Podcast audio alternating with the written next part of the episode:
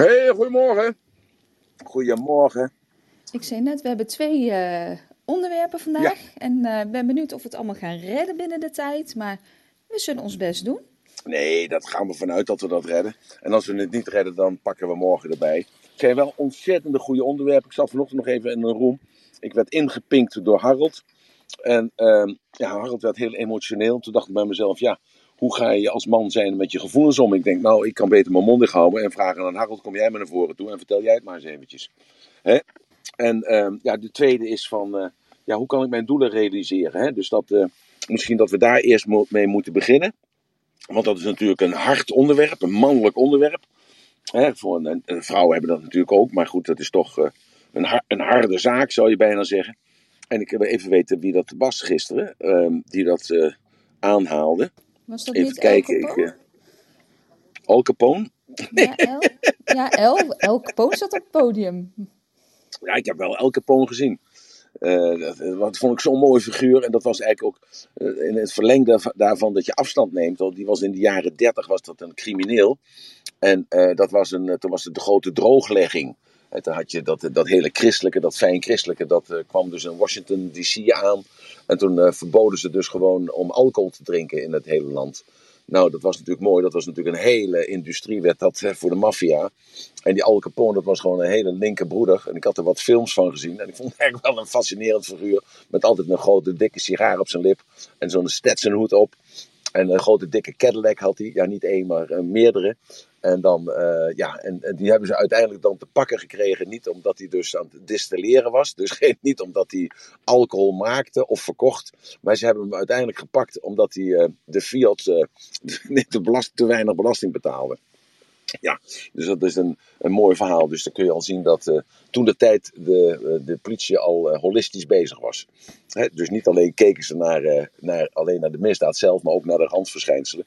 En daarop hebben ze hem gepakt. Dus dat vond ik wel mooi. Maar Al Capone, ben je al in de, ben al in de room of niet?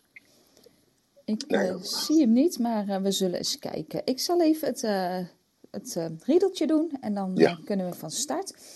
Ja, welkom iedereen. Zoals jullie weten deze... Nou ja, het riedeltje, dat vind ik nou wel heel badinerend zelf voor nou. jezelf. Ja, het riedeltje.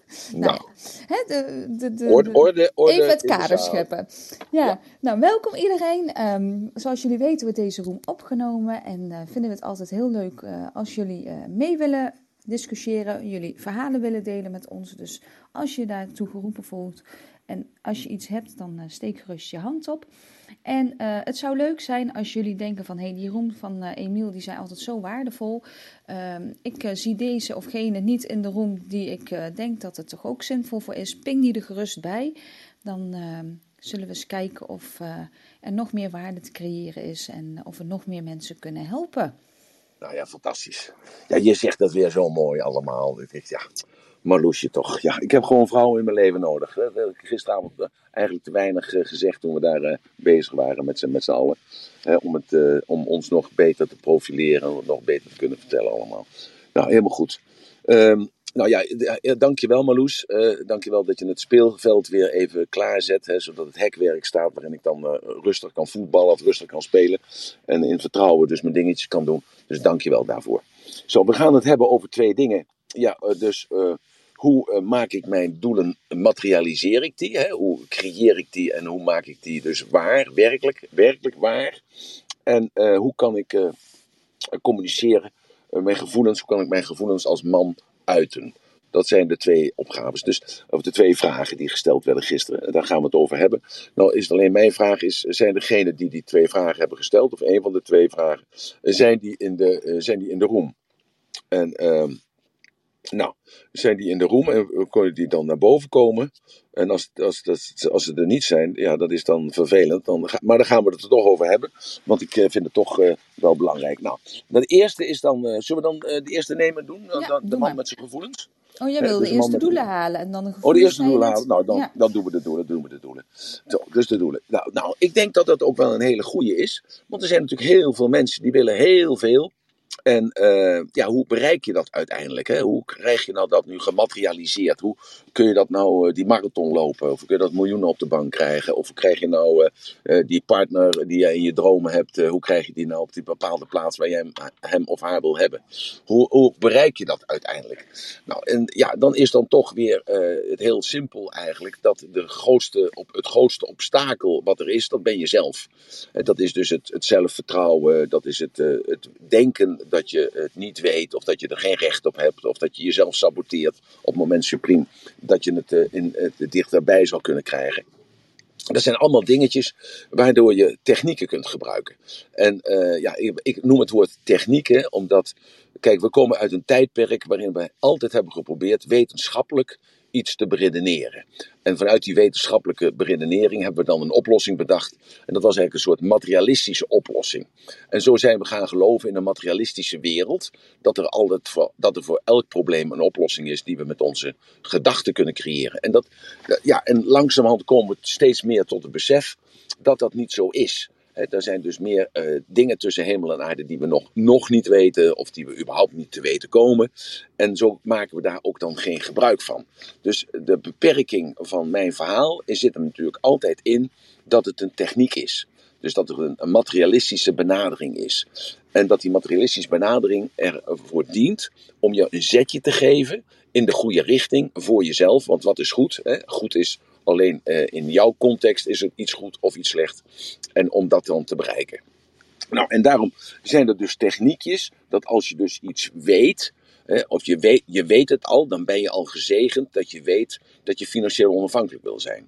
Of je bent al gezegend als je weet dat je dus eh, met je lichaam aan de gang wilt gaan en dat je een bepaald doel wil bereiken. En dat hoeft niet die marathon te zijn, dat kan ook eh, elke dag een uur lopen zijn. Dat kan iets heel simpels zijn om bijvoorbeeld chocola te laten staan. Nou ja, simpel, je zult er maar aan moeten staan om chocola te laten staan. Maar zo zijn er natuurlijk allerlei dingen in je leven die jij wilt. Er zijn ook heel veel mensen en meerdere mensen als dat je denkt, die niet weten waar ze mee bezig zijn, die niet een duidelijk doel voor ogen hebben. En die mensen wil ik eigenlijk een, een, eventjes toch een, een hart onder de riem steken. Want namelijk, A, ben je dus niet de enige die niet weet wat hij precies of zij wil, maar dat er meerdere zijn. Dus je bent, behoort tot een hele grote groep. En het positieve daaraan is om te bedenken hè, voor jezelf: van kijk, als je niet weet waar je mee bezig bent, dan weet je dus eigenlijk wel waar je mee bezig bent. Alleen, hè, want het woordje niet bestaat niet. Hè? Want als ik, als ik aan je zeg van, tegen je zeg, of aan je vraag van, uh, denk niet aan je oor, nou dan denk je aan je oor. En of dat nou je linker of je rechteroor is, dat weet ik niet. Maar als ik zeg tegen jou, denk niet aan je linkeroor, dan denk je aan je linkeroor. Of als ik uh, aan je vraag, denk niet aan de ramen, van je huis, dan zie je je huis voor jou en dan zie je die ramen. Dus het woordje niet bestaat niet. Op het moment dat je zegt ik weet het niet, weet je het dus wel, alleen je staat jezelf in de weg. Dat is het mooie voorbeeld van uh, wat mijzelf is overkomen. Ik was bij mijn schoonmoeder op visite. Ja, mijn ex-schoonmoeder is dat helaas geworden. Maar ik was bij mijn schoonmoeder op visite. En ze vroeg aan mij of ik even de zout wilde pakken. Nou ja, ze was iets ouder dan ik, dus ik dacht, nou ja, dat kan dan wel. En uh, dus ik eh, stond op en ik zei tegen mezelf, ja, ik weet toch helemaal niet waar de zout staat. En uh, dus ik deed de kast open en ik zag die zout niet staan. Ik zeg, ik, ik draaide me om naar mijn schoonmoeder. Ik zeg, mama, ma, ik weet niet waar de zout staat. Dus zegt ze, recht voor je. En ik draaide me om en ik, ik zei tegen mezelf, ik weet niet waar de zout staat. En ze stond op, een, beetje krakkemikkig kwam ze naar me toe gelopen en ze pakte de zout. stond namelijk op de tweede plank van de kast. Dus het stond voor mij, maar ik had mezelf dus niet doorgegeven dat het daar stond. Ik had mezelf een commando gegeven. Ik weet niet waar de zout staat. Uh, ik zie het zout niet. En dan zie je het ook niet. Je ziet het wel, maar je ziet het niet. Dus dat is heel, heel even dat je dat realiseert. Nou ja, dat voorbeeld is, is heel simpel, maar het gebeurt iedereen wel eens. Dus het zit, uh, je, bent je, je bent je bril kwijt en het blijkt dat je hem op je neus hebt staan. Of dat je hem op je haar hebt staan, of je hebt hem aan uh, zo'n brillen hangen, hangen. Zo, dus ik wil alleen maar zeggen daarmee dat, uh, je, dat we allemaal die momenten hebben dat we het niet weten. Maar we weten het wel, maar, maar, het is niet duidelijk. En dat is een van de dingetjes. Hoe maak je dat nou duidelijk voor jezelf? En als je het dus duidelijk voor jezelf hebt, hè, dus die, ik, van de week heb ik dat genoemd, dat schetsen. Je bent in een schetsboek bezig aan het schetsen. En elke keer gooi je een schets weg. En je gooit weer een schets weg. En je gooit weer een schets weg. En dan uiteindelijk komt dus dan uit al die honderden of duizenden of misschien wel miljoenen schetsen komt er dus dan eindelijk een bepaalde contour. En vanuit die contour komt er een soort vastigheid. En dan, kun je het, dan wordt het herkenbaar. En, uh, en als het herkenbaar wordt voor jezelf, ja, dan weet je precies waar je mee bezig bent. En tot aan die tijd ben je bezig om met, in dat schetsboek te schetsen. En uh, ja, sta je in het leven. En door dat schetsen wat je voortdurend doet, en dat is een kwestie van flexibel blijven, gewoon elke keer weer iets nieuws aanpakken. En dat is dat mooi, dat voorbeeld van, uh, van meneer Zadelhof, hè, Cor Zadelhof dat hij door zijn vader zei: eh, van als jij niet naar de, zijn vader zei tegen hem: als je niet naar de universiteit wilt, dan ga jij gewoon elke week in een bedrijf werken. En hij ging dus in een, vis, een viswinkel werken, een, een aannemersbedrijf, een timmerwinkel werken en, en bij een bakker werken. En het was hem allemaal niks. Totdat hij bij een makelaar werkte. En in één keer dacht hij zelf: tja, dat is mooi, dat is mijn roeping. Zo. En dat is eigenlijk dat schetsen, wat dus die oude Zadelhof zijn, zijn zoon opdracht gaf: oké, in de praktijk, uh, oefen gewoon, uh, doe elke week iets anders. En het werd steeds herkenbaarder. En toen die makelaar was, toen dacht hij van al datgene wat ik gedaan heb in die viswinkel, in die bakkerij, in die kruidenier, in dat timmerbedrijf, in dat aannemingsbedrijf en in dat verzekeringsbedrijf, dat is eigenlijk allemaal wat je nodig hebt om uiteindelijk een goede makelaar te kunnen worden. Zo. En dat is de, wat jouw moed en hoop mag geven dat je voortdurend bezig bent om dus iets te ontwikkelen wat je nog niet weet, maar wat, wel, wat je wel weet. Het is alleen nog niet in dat bewustzijn. Zo, dus op het moment supreme dat jij dus weet wat je wilt, en nou is het zo jammer dat die meneer niet in de zaal is om ons te helpen en te, te kunnen antwoorden van oké, ik heb mijn doelen, maar ik weet niet hoe ik die dus kun, handjes en voetjes kan geven, dat ik die dus uh, in de werkelijkheid kan manifesteren, dat ik dat kan scheppen als het ware. En, uh, dus ik kan dat, dat voorbeeld dan ook niet gebruiken van hem. En dan is als eerste is dat je er een metafoor voor gebruikt. Dus als je die, die, die, die, die, die uh, hoe noem je dat, die, die eerste stap, de eerste stap niet kunt zetten, gebruik dan een metafoor. En de metafoor zou kunnen zijn dat als je weet wat je wilt, dan zul je dat altijd bereiken. Want je hebt daar referentiekaders voor. En die referentiekaders liggen in het verleden. Want hoe heb je leren lopen? Je hebt leren lopen omdat er een voorbeeld was. En die liet jou elk moment van de dag zien dat wat hij kon, dat jij dat ook kon. Dat waren je vader en je moeder, je broers en je zusters, je ooms, je tantes, je neven, nichten, op. Nou, noem ze allemaal maar op. Dus je had dat voorbeeld voortdurend voor je. Zo. Dus als jij iets wil bereiken, gebruik dan die metafoor. En pas die dan ook gelijk toe in de praktijk. Want zoek dan de mensen op die datgene wat jij wilt bereiken al bereikt hebben. Dat is dat modelleren. En dan blijkt dus dat als jij je vereenzelft met die mensen, dat, dat die mensen die daar al zijn op die plek waar jij wilt komen, dat kan zijn een goede verkoper, of dat kan zijn een goede sporter, of dat kan zijn een goede artiest, of dat kan zijn een goede zakenman, of dan wat voor doel je dan ook hebt. Kijk dan naar die mensen en denk dan elke keer terug aan die metafoor van hoe heb ik leren lopen? Hoe heb ik leren praten? Hoe heb ik leren schrijven? Hoe heb ik leren uh, uh, articuleren? Hoe heb ik leren uh, opzoeken in de dikke vandalen? Of hoe heb ik leren mailen? Hoe heb ik leren appen? Hoe heb ik dat allemaal geleerd? Dat heb je allemaal moeten leren. En dat was allemaal stapje voor stapje voor stapje voor stapje. En als je dat dus vast kunt houden, dat, dat lopen is ook niet van de ene dag op de andere dag gegaan. Dat heeft een half jaar of een jaar geduurd voordat je goed kon lopen. Hoe lang heeft het geduurd voordat je uiteindelijk goed kon praten? Hoe lang heeft het uh, geduurd voordat jij dus naar een schilderij keek en dat je dus werkelijk kon, kon kijken naar wat er werkelijk stond? Dus niet het, het gewoon waarnemen, maar het werkelijk kijken naar iets. Hoe lang heeft het geduurd voordat je werkelijk kon luisteren? Zo. Dus daar heb je heel veel jaren voor nodig gehad. Zo. Dus wees geduldig, maar heb wel de overtuiging van dat het kan dat het mogelijk is en dat het in jouw bereik ligt, want anders had je het niet kunnen bedenken. Dus dat is even, dus als het niet in je vermogen ligt, had je het niet kunnen bedenken. Dat is een goede, hè? Dat moet je maar even opschrijven. Als het niet in je vermogen ligt, had je het niet kunnen bedenken. Dus, en dus dat is, daarom is het niet realistisch voor iemand anders, maar wel realistisch voor jou. Dus als je daarmee bezig bent op dat moment, dan weet je gewoon: oké, ik heb mensen die hebben het al gedaan. Uh, wat voor overtuigingen hebben die mensen? Hoe denken die mensen? Waar zijn ze mee bezig? eh, en als ze daarmee bezig zijn, zijn ze dan continu bezig om dat doel te verwerkelijken? Of doen ze het spelende wijs? En dan blijkt dus dat al die mensen die dat al bereikt hebben, die zijn spelende wijs rijk geworden. Spelende wijs hebben ze die carrière gemaakt. Spelende wijs. En dan gaat het krampachtige eraf. En als het krampachtige eraf is, dan zul je het zien dat je het ziet en dat je het kunt pakken. Dus dat is een van de mogelijkheden om versneld jouw doel te pakken te krijgen.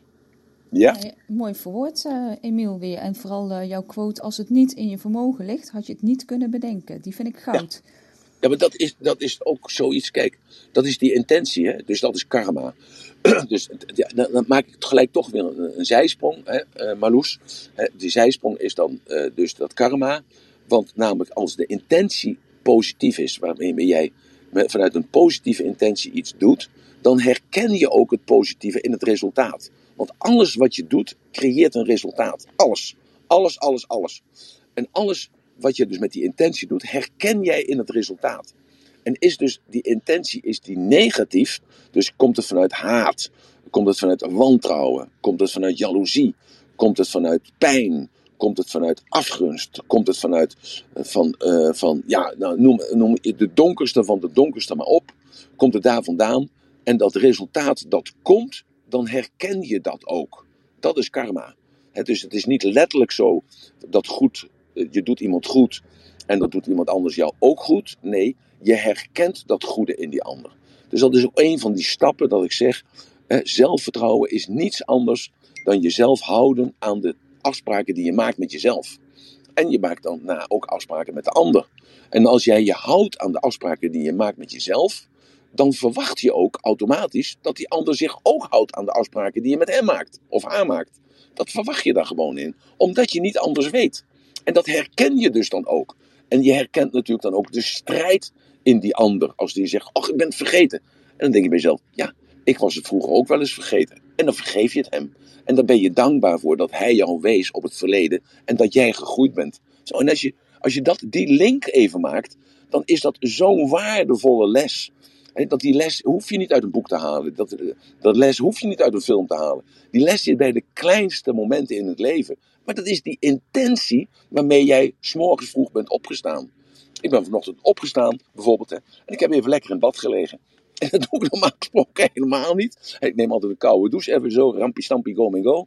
En dan heb ik een koude douche. Eh, ik ben wakker. Ik dacht bij mezelf, ik ga mezelf nou eens lekker verwennen. Ik pak lekker vanochtend een lekker heet bad. En waarom? Dat is er gewoon een tegenbeweging van de kou die allemaal gaat komen. Want als ik de kranten moet geloven, dan, eh, ja, dan is het zo dat de, dat de gasvoorraad op is eh, zo direct in, eh, in februari.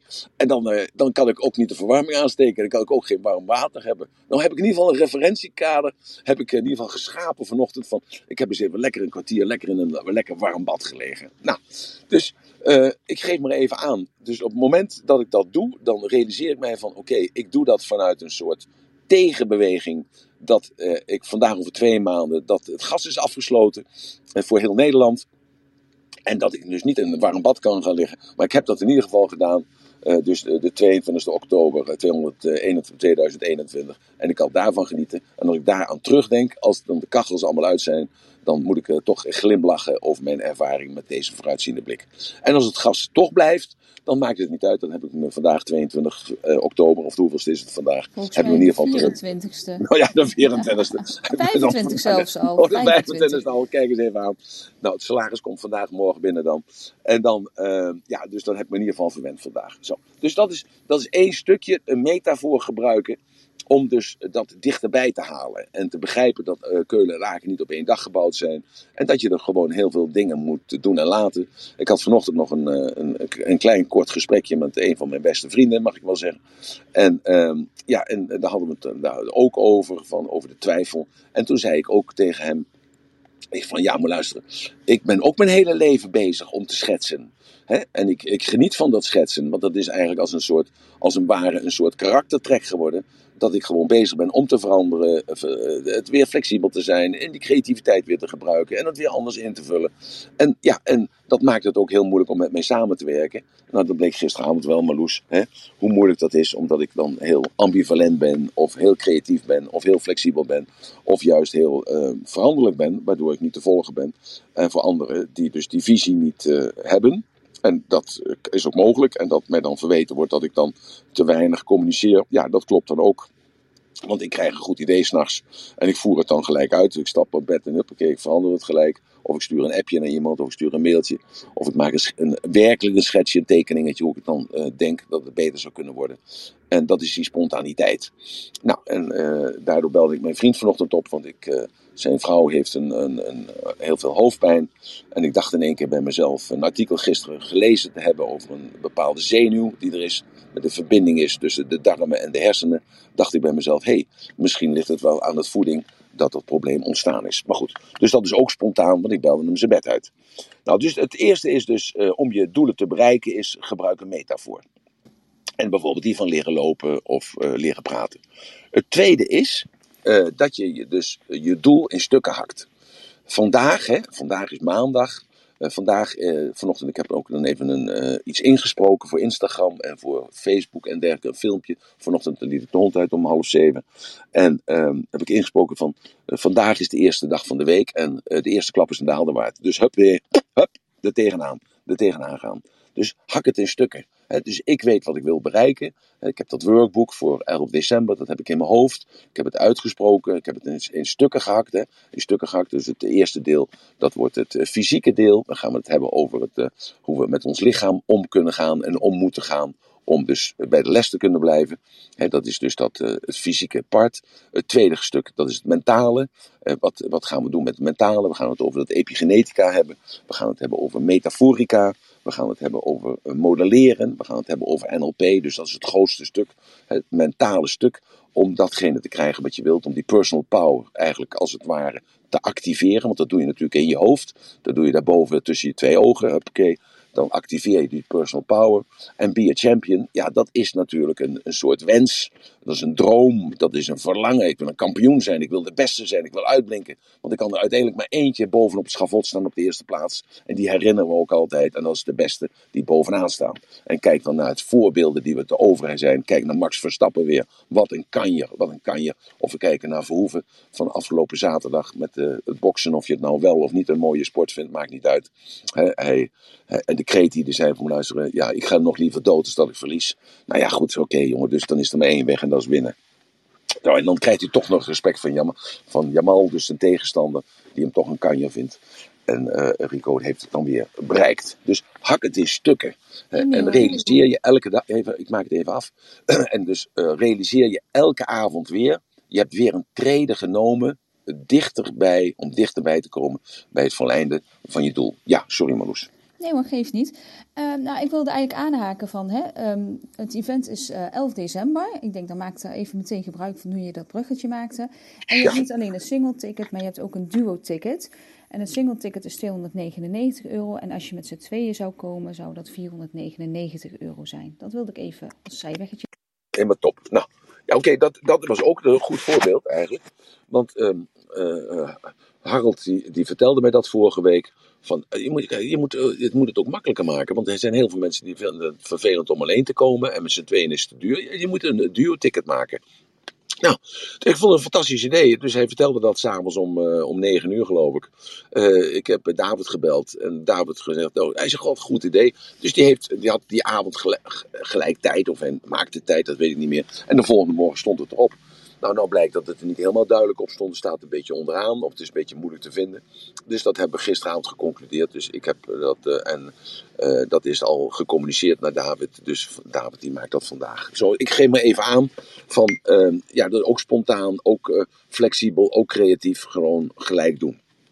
Dankjewel voor die voor die, uh, voor die invulling, voor die aanvulling, uh, Marloes. Zo, dus hak het in stukken. He, dus wat je wil bereiken, hak het in stukken. Hak het voor jou. Uh, de, de, eerste, de reis begint altijd met de eerste stap. Hè? Dus als je op vakantie wilt, en begint met de eerste stap. Ja, ik wil op vakantie. Oké, en waar wil ik naartoe? Wil ik gaan skiën? Nee. Wil ik gaan zomervakantie? Nee. Uh, wil ik educatief bezig zijn? Ja, dat lijkt me wel leuk. Oké, nou, dan ga je niet kijken naar Thailand, want uh, dat is bekend van de hoeren bij wijze van spreken. Je gaat niet naar Gamba, uh, Ghana of die kant op, want dat is ook bekend van lichte vrouwen of van, van mannen die zich verkopen. Dus dan denk je, van, ik, ik kan wel eens naar Parijs gaan, ik kan het Louvre bezoeken. Oh, zo, en dan langzamerhand richt je jezelf daarop, op datgene wat je graag wilt. Nou, dat is met, in het leven is dat hetzelfde. Hak het in stukken. Wil je een, volwaardige relatie? Ja, daar zul je dus dingen voor moeten doen en dingen voor moeten laten. Dus hak het in stukken. En dan komt het vanzelf dichterbij. En als derde tip is het dan, dus uh, je hebt dat doel en begin al te leven zoals je dat doel wilt bereikt hebben. Zo, dus beleef al eigenlijk op dit moment zoals jij dus dat doel al bereikt hebt. Dus uh, ben je financieel onafhankelijk? Neem dat dan aan dat het nu al zo is. Wil je die marathon gelopen hebben? Leef dan nu al dat je die marathon gelopen hebt. Dus beleef dat ook. En dan zul je merken dat je spierspanning anders wordt. Als je dat inbeeldt, hè, je, dat is eigenlijk epigenetica. Dus je, je beeld je dat in en dan zie je dat al. Je hoort dat al, wat er om je heen gesproken wordt op een andere manier als vandaag de dag. Er zijn bepaalde woorden die je niet meer wilt horen, omdat dat niet past bij die staat van zijn waar je naartoe wilt. En als je dus die staat van zijn kunt voelen, want dan, daar gaat het om, dat is de truc altijd, dat als je dus dat werkelijk kunt voelen, dan, dan hoort het ook bij jou. En dan krijg jij die frequentie. En als je die frequentie hebt, ja, dan ga je dat uitstralen. Dan heb je dat charisma. Dat deel van jou heeft dat charisma. En dat beïnvloedt dan andere delen van jou. En dan kom je gewoon daar waar je wilt zijn. Maar je bent er al. Je bent er al. En dus op het moment dat je er al bent, dan heb je al de pretenties daarvoor. En dan heb je al het doel bereikt. Want je hebt die gevoelens en die emotie. Want het gaat altijd, elk doel hangt samen met een emotie. Het gaat niet om dat stoffelijk te bereiken. Het gaat om dat jij, dat, dat jij die emotie bereikt. Daar gaat het om. Uiteindelijk gaat het altijd om de emotie. En, en dat is ook vaak een eye-opener. Want daarom zeggen we vaak: bezit van de zaak is het eind van het vermaak. Want die emotie verloedert. Op het moment dat jij dat doel hebt bereikt, daarom is ook doelen stellen verslavend. Dus dat zou ook wel eens een negatieve context kunnen, bereiken, kunnen bekijken. Maar, dus dat is een, een soort conditionering dat jij jezelf dus elke keer weer die behoefte hebt om dat gevoel te krijgen. En ik heb dat zelf ook. Ik zat net in die auto. Ik zit er nog steeds in. Hè, dat ik vanochtend dus dan een uur eerder opgestaan ben. Om een uur eerder onderweg te zijn. Zodat ik nu voorbij tussen Venlo en Venray stilsta. Om een uurtje met jullie te kunnen praten. En toen dacht ik bij mezelf. Ja, maar waar doe ik het nou eigenlijk voor? Die hele documentaire wordt gemaakt. Waarom? Omdat men geïntegreerd is van wat is nou de drijfveer van die ratelband? Waarom doet die ratelband nou zo eigenaardig? Waarom is die ratelband nou zo vitaal? Wat, eh, is die energie? Wat, hoe komt het nou? S morgens vroeg dan, dan staat hij gelijk aan. En s'avonds als hij naar bed gaat, dan staat hij nog aan. En draait de knop om en staat uit en, en slaapt. Zo, zo wat, wat is het nou? En toen dacht ik bij mezelf, op weg hier naartoe, naar deze plaats, deze rustplaats tussen Venlo en Venray, dacht ik bij mezelf, ja, het gaat erom dat ik elke dag weer trots op mezelf ben. Ik ben trots op mezelf dat ik bereikt heb wat ik wilde bereiken. Ik ben trots op dat ik datgene vandaag gedaan heb wat ik me voorgenomen heb gedaan. En ik ben ook trots op dat ik afgezien heb van bepaalde zaken om vandaag te doen. Omdat ik dacht bij mezelf, vandaag eventjes geen tijd voor hem of voor haar of voor het. Vandaag eventjes geen tijd voor, om mijn doelen waar te maken. Vandaag even tijd voor mijn kinderen. Of vandaag even tijd voor mijn vrienden. Of vandaag even tijd voor mezelf. Zo, dus ook even terug kunnen komen op een genomen beslissing. Dus het is de trotsheid die ik voel als ik iets bereikt heb, maar ook als ik al bezig ben om dat te bereiken. Dus, en dat is mijn drijfveer. Dus mijn eigen beeld versterken en te voelen van, je doet het goed gekeel. En dat heeft met mijn opvoeding te maken, dat heeft met mijn cultuur te maken, dat heeft met mijn afkomst te maken. Het heeft ook te maken met al de mensen die ik om me heen verzameld heb. Want dat, dat is een ongoing proces. Trots zijn op mezelf. Nou. Ja. En ik denk ook dat je er wel, hè, eh, als je doelen gehaald hebt, dan krijg je ook een bepaalde adrenaline. Je krijgt er een kick van. Ja, ja. En, dat, uh, dat is wat ik zeg, hè? Ja, jij zegt het weer heel mooi op een andere wijze, maar het is hetzelfde. Ja, zo is het. Ja, dat is mooi om te zien. Uh, ja, we hebben ondertussen al bijna een half uur weer uh, gehad. je hebt eigenlijk uh, drie uh, dingen aangehaald om je doelen te behalen. Je zegt eigenlijk van, hè, gebruik je metafoor. Als je duidelijk hebt wat je wil, dan weet je ook dat het kan. En um, je hebt genoeg voorbeelden. Je hebt leren lopen, je hebt leren praten, waarbij je weet dat het ook succesvol is. En door een uh, persoon te kiezen die het doel al bereikt heeft, of waar je denkt van die doet het op een goede manier, wat ik nu op dit moment wil leren, door dat goed te modelleren, is het al uh, heel dichtbij, zeg maar, om het te bereiken. Ja. Dan uh, zeg je eigenlijk uh, de gouden tip, ja, dat vind ik nog steeds, ik zal hem nog één keer noemen. Als het niet in je vermogen ligt, had je het ook niet kunnen bedenken. Kortom, ja. de ideeën die je krijgt, krijg je niet voor niets. Yes. Gebruik de metafoor en hak je doel in st kleine stukjes, zodat je met kleine stapjes je doelen iedere keer een stapje dichterbij zien komen. En de derde is dat je eigenlijk uh, het al moet doorvoelen alsof je het doel al behaald hebt, waardoor het Ja. sneller naar je toe komt. Ja. En ik zet er de kanttekening bij. Het lijkt iets mechanisch. Het lijkt iets mechanisch. Omdat we, we komen ook uit die, uit die omgeving, uit de mechanica. Het er zijn altijd de drie stappen tot succes, de zeven stappen tot een volwaardig leven, de drie stappen tot gezondheid, de vijf stappen tot is altijd oneven. Eh, Dat zijn, is alleen maar om het in hapklare brokken te maken. En als je bezig bent, kom je in dat energetisch veld. Eh, Dus dan gebeuren er zaken. En dan kom je in aanraking met die intuïtie, waar we het laatst over gehad hebben, waar we nog wel een keer een, een room over kunnen houden. En dan kom je in aanraking met die intuïtie. En dan kom je dus in de flow. En als je in de flow komt, ja, dan heb je dus dat goddelijke in je. Want het gaat altijd om dat goddelijke, om dat te onderkennen. Je bent niet maar toevallig op deze aarde. Er is een plan. En dat is niet de kwestie van dat je dus geen, eh, geen eigen wil hebt, of dat je de slaaf bent, of allerlei andere negatieve invullingen. Nee, jij bent hier neergezet omdat jij daarvoor gekozen hebt. En wie ben jij? Jij bent een ziel. Jij bent dus iets goddelijks. En dat zit in jou. En als je dat realiseert en je doorvoelt dat, dan, dan, ja, dan, dan stijg je al omhoog. Dan loop je al rechterop. Dan zijn die spieren op een andere manier eh, gespannen. Dan is er de zuurstof wat binnenkomt, dat, eh, wordt, dat loutert jou. Zo, dus dat is dat besef. En dat is weer die epigenetica waar we het 11 december ook heel veel over zullen hebben.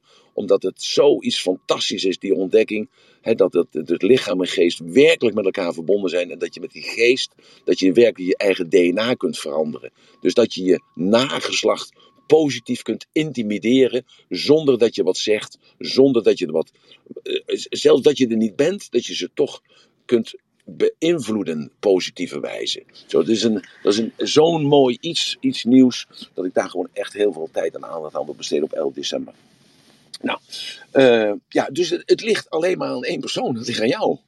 Jij moet gewoon die stap zetten. Jij moet gewoon eh, die beslissing nemen. En jij moet er gewoon voor gaan.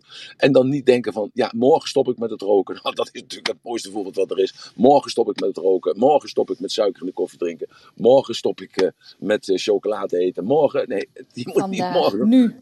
Moet gewoon nu doen gewoon. Ja, en ik lach daar gewoon natuurlijk om. En eh, ja, We herkennen het en allemaal, het dat- uitstelgedrag. Ja, maar en, en we, we allemaal natuurlijk. Ik heb dat natuurlijk zelf. Daarom is dat voorbeeld van die koffie. 40 jaar geen koffie gedronken. En van de ene dag op de andere dag ga ik weer koffie drinken. 40 jaar geen koffie gedronken, jongens. Ongelooflijk. Ja, nou, dit verhaal heb ik een paar keer gezegd. Want ik lach natuurlijk om mijn eigen dommigheid. En dan denk ik bij mezelf, raad want je weet het allemaal toch zo goed. En ik laat het dan lopen, die 21 dagen. En na 20, na 20 dagen, en ik kijk naar mijn ontlasting en ik denk bij mezelf, je vernietigt je eigen lichaam, je, eh, je, je eet met je tanden, het, eh, maak je het graf. Dus eh, stoppen ermee, klaar is Kees. Nou, en ik ben nu helemaal gewoon zo, net met roken toen de tijd, toen ik een jaar of 21, 22 was, ben ik ook meegestopt. Daarna nooit meer gedaan. Omdat ik dacht mezelf, wat is dit? Ja, ik ben nog één keer teruggevallen op mijn eh, 32e. Ben ik teruggevallen, heb ik nog eventjes een week gerookt. En toen dacht ik, gaatverdamme. En waarom ben je gaatverdamme? Omdat namelijk als je dus zoveel jaar zonder koffie bent, of zoveel jaar zonder nicotine bent, of zoveel jaar zonder Coca-Cola bent, en je krijgt het nog een keer toegediend, dan pas voel je wat voor smerigheid het is. En dan pas voel je ook wat, het, wat zo destructief het is in je leven en in je eigen lijf. En dat je toch wel ontzettend dom moet zijn om dat, dat door te zetten. Nou, ik eh, ja. had een handje, die heb ik eh, niet naar boven gekregen. Ik heb degene uiteindelijk wel weer uitgenodigd, maar dan weet diegene dat het niet gelukt is, mocht het echt eh, nodig zijn. Maar misschien was het per ongeluk. Maar heb Ja. jij wel een vraag, dan zit je in het publiek, kom naar boven en stel je vraag, want we gaan bijna over naar het volgende onderwerp. Ja, dat is interessant voor de mannen, hè? Maar ja, ook voor de vrouwen natuurlijk. Ook voor ons wel. Zo, ik had uh, verteld voordat ik opende dat ik eigenlijk heel benieuwd ben. Ja. Ik heb ook zo'n man thuis die uh, het lastig vindt om over zijn gevoelens te praten. Ja. En het al heel gauw bagatelliseert en in de ratio schiet. Dus uh, kom erop. Kom erop. Nou, kijk eens aan. Nee, ik heb de handjes weer uit aangezet, uh, lieve luisteraars. Ik uh, krijg een appje dat ik ze uit heb gezet. Dat klopt. Ik had hem even gereset, maar ze staan weer aan als het goed is. Hé, hey, Marloes, maar luistert jouw duifje dan? Hoe bedoel je? ja, je zegt, ik heb ook zo iemand thuis zitten. Dus ik nou, weet niet of ze goed, goed kan praten. En dat geldt ook voor mijn kinderen. Mijn, mijn jongens vinden het echt veel moeilijker dan mijn uh, dochter, inderdaad. Ja, dat beleef jij zo. Dat is natuurlijk helemaal niet zo. Maar dat, jij beleeft dat zo. Dus, dus zie je dat ook zo. Heb je daar ja, wel over Dat is dan ook misschien hun werkelijkheid en mijn werkelijkheid. En hun manier van communiceren en mijn manier van communiceren. En dat is denk ik nou precies hetgeen wat het zo interessant maakt voor ons vrouwen. Ja, ja, ja. Maar goed, maar kijk, uh, ja, dan had je man er eigenlijk bij moeten zijn. Dan had ik even kunnen, aan hem kunnen vragen van hoe is dat nou om met Marloes te zijn. En dan had hij misschien gezegd, ja, maar we hebben een ander rollenpatroon. Want Marloes heeft altijd het woord. En ik volg gewoon haar altijd. En zij voelt zich daar lekker bij. En ik heb me geleerd om me daar ook lekker bij te voelen. Dus ik vind het goed zo. Ja, het kan net zo goed zo natuur zijn. Nou, we hebben wel eens van die gesprekken dat ik dan zeg van, hoe voel jij je daar nu onder? Ja, mm, dat was altijd al zo. Of, mm. ja. Dan ja, geldt het gewoon voor situaties al vanuit zijn jeugd bij wijze van. Dus ja, ja, ja. hij heeft dat nooit zo echt onder woorden kunnen brengen, denk ik. Ja, maar we hebben het al eerder daarover gehad, maar ik, ik ah, vond het wel leuk uh, gisteren dat uh, die ene meneer naar boven kwam en die zegt van, ja, ik, ik zou wel graag hebben dat er morgen eens gesproken wordt over uh, hoe ik als man mijn gevoelens kan uiten. Want ik heb net de indruk dat dat altijd verkeerd overkomt. Nou, en, en dat was eigenlijk, dat heb ik zo begrepen. maar ik, als ik mij daarin vergis, dan mag je me daar corrigeren, Marloes. dus hoe kan ik nou overkomen dat die vrouw in ieder geval begrijpt dat ik wel mijn gevoelens uit, alleen doe ik dat niet op haar manier. Zo, dus dat, was, dat is mijn conclusie geweest. Maar jij hebt het anders gehoord, Marloes? Um, sorry, zeg het nog even, want ik werd even afgeleid door de handjes. Oh, Wat nee, was je laatste zin? Ik, ik heb het uh, zo begrepen uh, dat hij zei tegen, tegen mij: hoe kan ik nou uh, communiceren op een manier zodat die vrouw begrijpt dat ik wel mijn gevoelens communiceer, alleen ik doe het op een andere wijze als dat een vrouw dat doet. Ik denk dat dus- daar een hele kern van waarheid in zit. Dus ja, ja, ik denk dat, ja, dat je dat goed gehoord hebt. Ja, ja oké, goed. We hebben ondertussen twee luisteraars, uh, Emiel. Ja. Uh, ja. En dat is uh, Perry en Frank. En dan wil ik nou ja, we hebben wel meer luisteraars, toch? We ja, nee, maar op het podium, sorry. Oké, ja, ja, En Perry die wil denk ik graag even wat vragen aan je, of wat delen. Welkom. Goedemorgen. Ja, ik wil wel vragen hoe de speech die ik tot nu toe heb gehoord in verhouding staat met de wet van vergankelijkheid. Met vergankelijkheid? Ja, en, en dan wil ik toch eigenlijk doelen uh, op het gedrag wat je net beschrijft. Dat uh, er een krantenbericht rondgaat dat het gasvoorraad opraakt in februari. Ja. ja. Kiest om nog even een warm bad te nemen voordat dat op is. Dan denk ik, hmm, dat wordt januari waarschijnlijk als iedereen dat gaat doen. Dat het op ja, is. En, ja, en? Ik begrijp de vraag niet. Hoe dat dan allemaal in, in relatie staat tot de wet van vergankelijkheid. Wat is de wet van vergankelijkheid?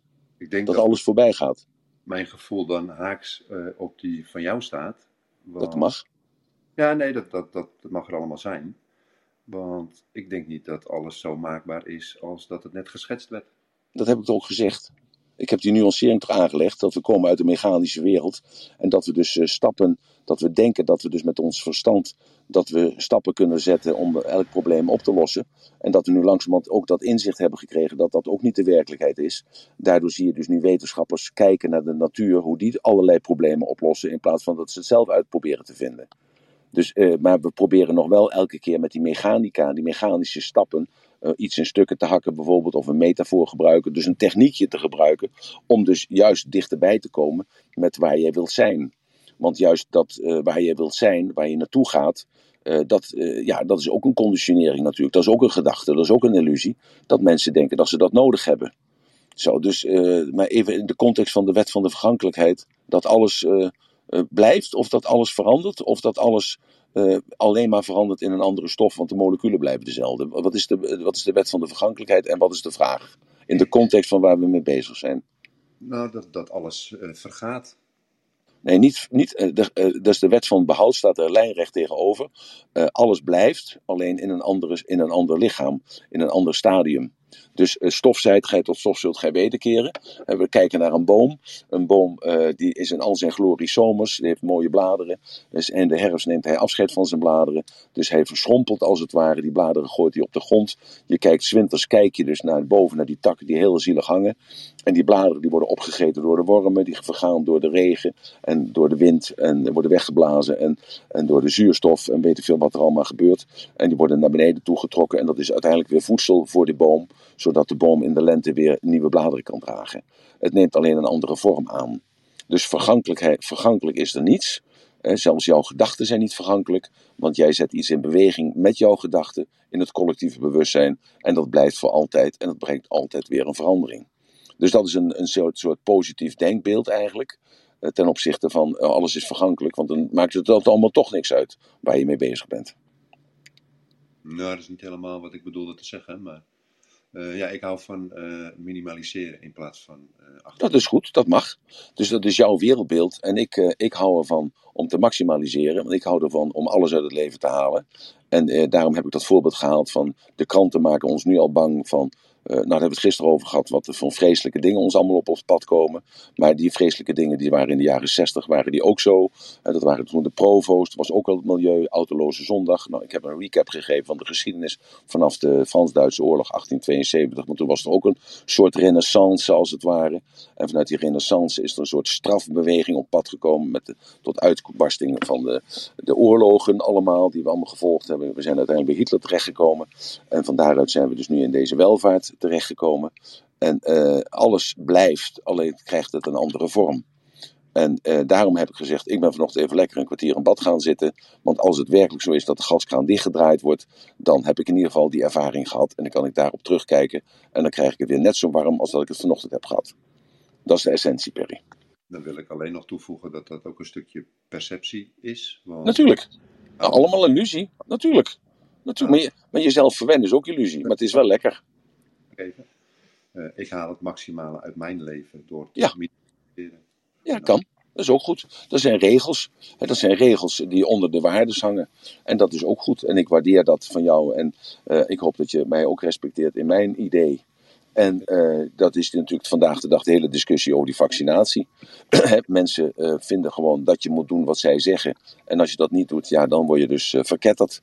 Het lijkt net wel alsof mensen dat nodig hebben. Want vroeger hadden we dat tussen de, de, katholiek, tussen de katholieken en de protestanten. Nu gelooft men niet meer. En nu hebben we het tussen de niet-gelovigen en de islamieten. Goedemorgen, lieve mensen. Goedemorgen, Emiel. Goedemorgen, Marloes, Perry, ja. Frank. Hoi. Goedemorgen. Jij wilde erop aanhaken, Jeroen. Nou, ik wil sowieso even goedemorgen zeggen. En Emiel, jeetje, Pina, het is nog zo vroeg. Jij zit altijd hoog in je energie. Hè? Ik zit altijd hoog in mijn energie. Hoe is het, lieverd?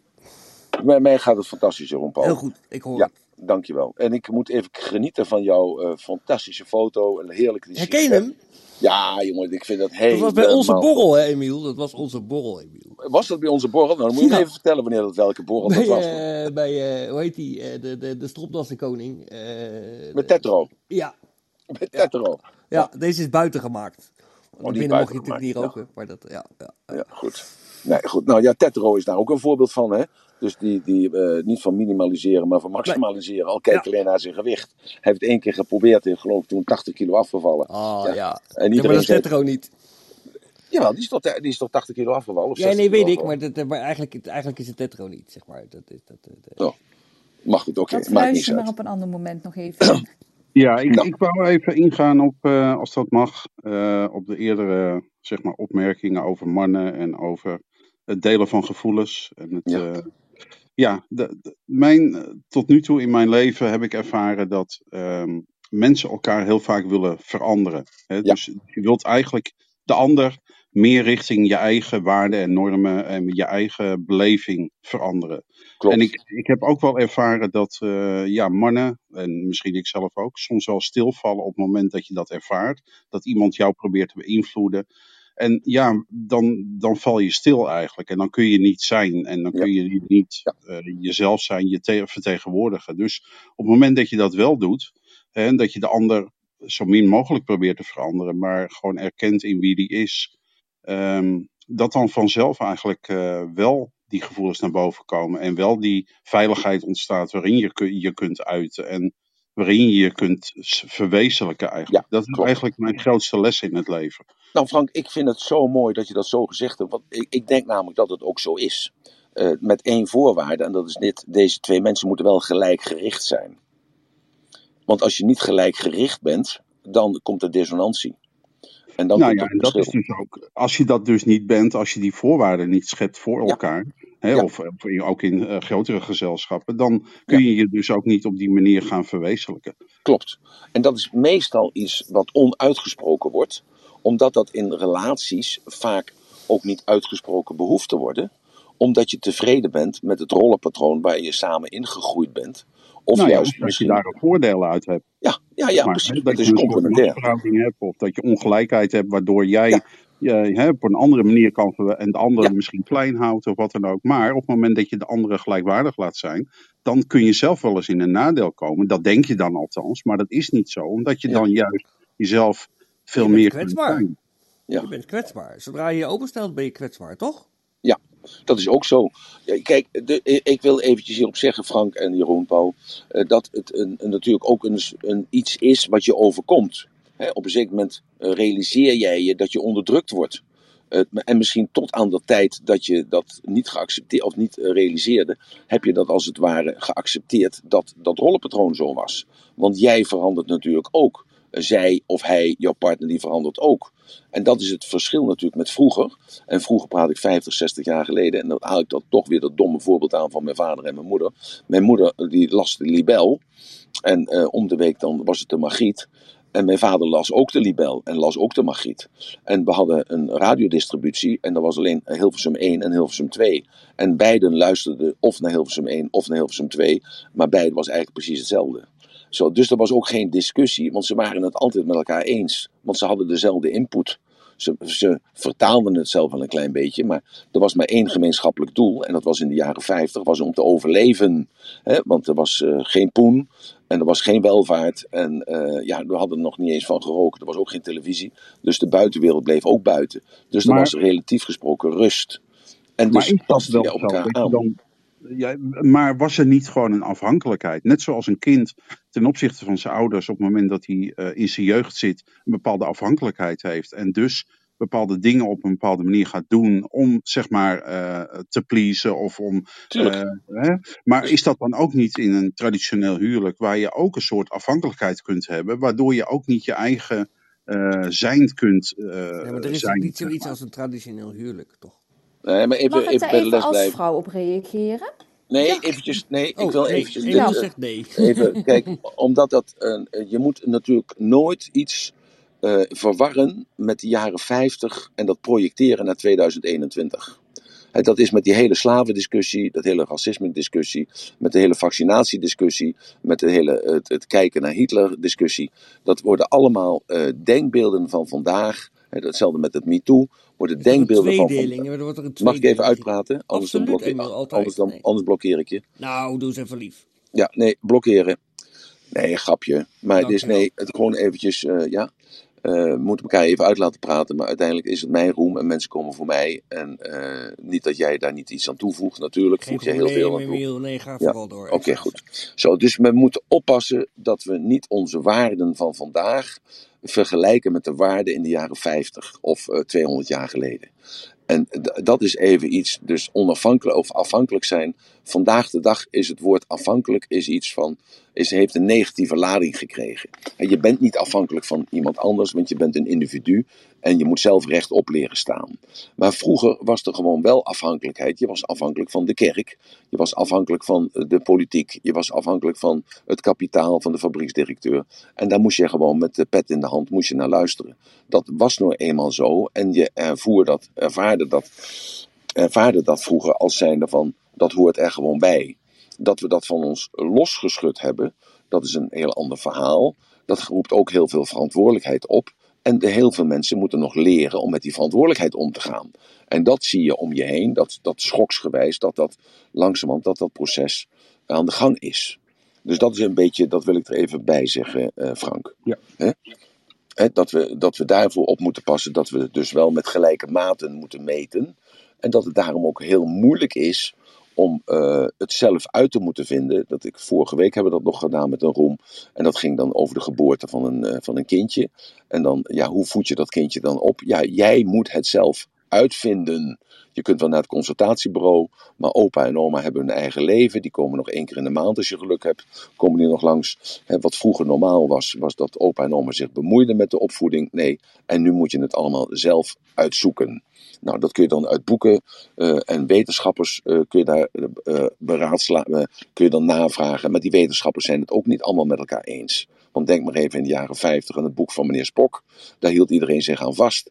En nu zijn we 50 jaar verder en nu zegt iedereen van nou, die Spock had niet gelijk, maar er was nog die wetenschapper en die opvoedkundige en die kinderarts en die man, die hadden allemaal een andere visie daarop. Dus dat evolueert. We komen steeds dichter bij de heilige gaal dat we weten hoe het wel en hoe het niet moet. Nou, zo is het met ons leven ook. We moeten dat zelf uh, creëren. En als we dan een partner hebben, past die partner dan wel in dat veranderingsproces waar jij in zit. En, uh, en als dat de eerste weken, maanden, jaren wel is, ja, past hij of zij dan nog wel naast jou, met jou samen? Is er nog wel aanvullend uh, in jouw leven? Nou, of en ben jij nog aanvullend op de ander, inderdaad. Klopt. Juist, en als dat niet meer is, en daarom wil ik even gaan naar die verschillen tussen man en vrouw, want dat is belangrijk. Dus in die communicatie, naar aanleiding van de vraag van, ja, maar luister, hoe moet ik mij dan uiten? Hè, als man zijnde, hoe moet ik mijn gevoelens dan uiten? Daar aan ten basis ligt dat een vrouw intrinsiek anders is dan een man. Punt. Punt. Zo, en dan kunnen we allerlei discussies over voeren. Een man heeft een, een piemel en een vrouw heeft een vagina. Een, in een vrouw zitten hele andere hormonen dan bij een man. Een vrouw heeft een heel ander denkvermogen dan een man. Er zit veel meer water in het hoofd bij die vrouw. Dat wil zeggen dat zij in die elektriciteitscentrale snelle verbindingen kan leggen dan een man. Een vrouw heeft een andere functie in dit leven. Dat zijn universele wetten. Daarom is een vrouw superieur aan de man. Want een vrouw kan wel zonder man, maar een man kan niet zonder vrouw. Dat is een, een statement die ik hier maak en daar blijf ik achter staan. Want dat is gewoon zo. Een man kan niet bij zichzelf komen, want hij kan niet loskomen van zijn moeder zonder de hulp van zijn vrouw. En als zijn vrouw dat niet begrijpt of niet, daar niet aan werkt, ja, dan, dan blijft die man verbonden aan zijn moeder. En uh, ja, zo werkt het nou eenmaal. Ik kan er niks aan doen, maar dat is de natuur. En als de en relatie de... tussen de moeder dan niet zo goed is geweest? Dat maakt niet uit, want dat zijn jouw regels. Dat is misschien zijn aanname, dat maakt niet uit. Er is een, band die niet uitgesproken kan worden, maar de band tussen zoon en moeder is een totaal andere band als dat de zoon heeft met zijn vader. De, de schaduw van de vader bepaalt, hè, dat is dan de interpretatie van de zoon, maar de zoon moet altijd uit de schaduw van zijn vader komen. Want zijn vader is zijn held, zijn vader is zijn grote voorbeeld. En hij moet dus uit die schaduw komen om dus zichzelf te kunnen ontplooien. En daar heeft hij die vrouw bij nodig. Die vrouw moet zich eerst opofferen om die man te helpen om uit die schaduw te komen. En als die vrouw daarin faalt, en ik kan dat niet genoeg benadrukken, als die vrouw daarin faalt omdat ze te druk is met zichzelf, dan blijft die man verbonden aan de vader. En komt hij niet verder in zijn ontwikkeling. En daarom zeg ik altijd: de vrouw is superieur aan de man. Nou, Frank? ik wou zeggen, wie wil erop reageren? Ja. Ik weet niet, ja, ik, een vrouw naast een man. Ik wou zeggen, een, een weet je, vrouw, man, ziel, pa, partner. Iemand die, die bij je hoort. Uh, en of dat nou man of vrouw is, dat op zich. Het gaat meer om de rol die je naar elkaar uh, ja, speelt. En de gelijkwaardigheid die je in een relatie, in welke relatie dan ook. Ja. De, de, de, het, het, het, want als je kijkt naar uh, vader-zoon, is het ja. in het begin probeer je te spiegelen aan je vader. Ja. Maar de vader projecteert ook bepaalde verwachtingen op je vanuit zijn leven of vanuit zijn falen. Waardoor hij eigenlijk dingen op jou neerlegt, uh, zodat jij dat misschien wel dat doel gaat halen. Weet je? Dus het zijn, ja. je krijgt heel veel kader mee in je leven. En ja. als je inderdaad een partner hebt, die, uh, en, en, wat dat dan ook is, of een man of een vrouw, of welke rol. Maar als je iemand naast je hebt die uh, jou die gelijkwaardigheid gaat laten voelen, ja, dan, dan kom je verder, ja. Maar, dat is iets energetisch. He, dus Juist, dat, dat, bedoel dat, ik. En, je kunt met de vinger daar niet op wijzen wat dat precies is. Nee, maar ik bedoelde het meer, uh, zoals jij dat als man en vrouw vertaalt, bedoel ik het meer als iemand naast je die uh, jou die voorwaarden geeft, zeg maar. ja, die voorwaarden geeft. Ja, maar Eh, Nou, die voorwaarden schetst, zodat jij jezelf kan verwezenlijken in die Ja, relatie. ja, ja oké. Dus, dus zij schept als het ware een gezamenlijk doel, waardoor jij je kunt verheffen uit de, en uit de schaduw kunt komen. Dat is wat je zegt. Ja, systemisch moet je eigenlijk, eh, Oké. je blijft systemisch verbonden, maar je kunt wel, eh, zeg maar, jezelf worden door die band wat losser te maken van, Ja. je, van je herkomst, zeg maar. Ja, exact. Nou ja, dat. En daar heb je die vrouw voor nodig. En Maar wat ik, daar op in mogen gaan. ja, ja. Want ik hoor je net eerder zeggen, we leven nu in een tijd waarin we eigen verantwoordelijkheid vooral meekrijgen. ja. Eh, zoals het op mij overkomt, zou je dus eigenlijk alleen heel kunnen worden in een relatie. Eh, ja, dat klopt. Je hebt de, de andere nodig, de andere seksen nodig om bij jezelf te komen. Want namelijk als die vrouw dat vervuld heeft, die taak, dan is dat, dan is dat stuk is, eh, rijp, is, is eh, volgroeid bij die vrouw. En dan kan die vrouw bij zichzelf komen. En hoe zit het Klopt, dan ja. bij gelijke seksen, zeg maar, die een relatie hebben? Dan heb je denk ik de mannelijke energie en de vrouwelijke energie Ja, die dan weer samen Dat, dat zie je toch altijd. En dat hoor je ook van mensen die eh gelijk, gesla- gelijk geslacht hebben. Eh, dat zij altijd een bepaalde rol aannemen. De een die komt in de mannelijke rol en de ander komt in de vrouwelijke rol. Maar dat kan Maar ook andersom. Dat kan ook in een hetero relatie Ik ben het zijn. er eigenlijk helemaal niet mee eens, eh Emiel. Dat mag. Ieder, ieder mens heeft als individu een eigen verantwoordelijkheid. Daar ben je het met mij eens, toch? En we Ja, hebben allemaal hebben we, eh, die mannelijke energie en die vrouwelijke energie in ons Ja. zitten. Ja. En daarin denk ik niet dat je per se een andere partner of een per se iemand buiten je nodig hebt Ja. om daarin dat stukje balans te kunnen gaan vinden. Ja. Je hebt daarin wel een stukje eh, eh, spiegelen nodig. Je moet jezelf kunnen spiegelen. Je moet naar jezelf kunnen kijken met een bepaalde afstand, dus een bepaald perspectief.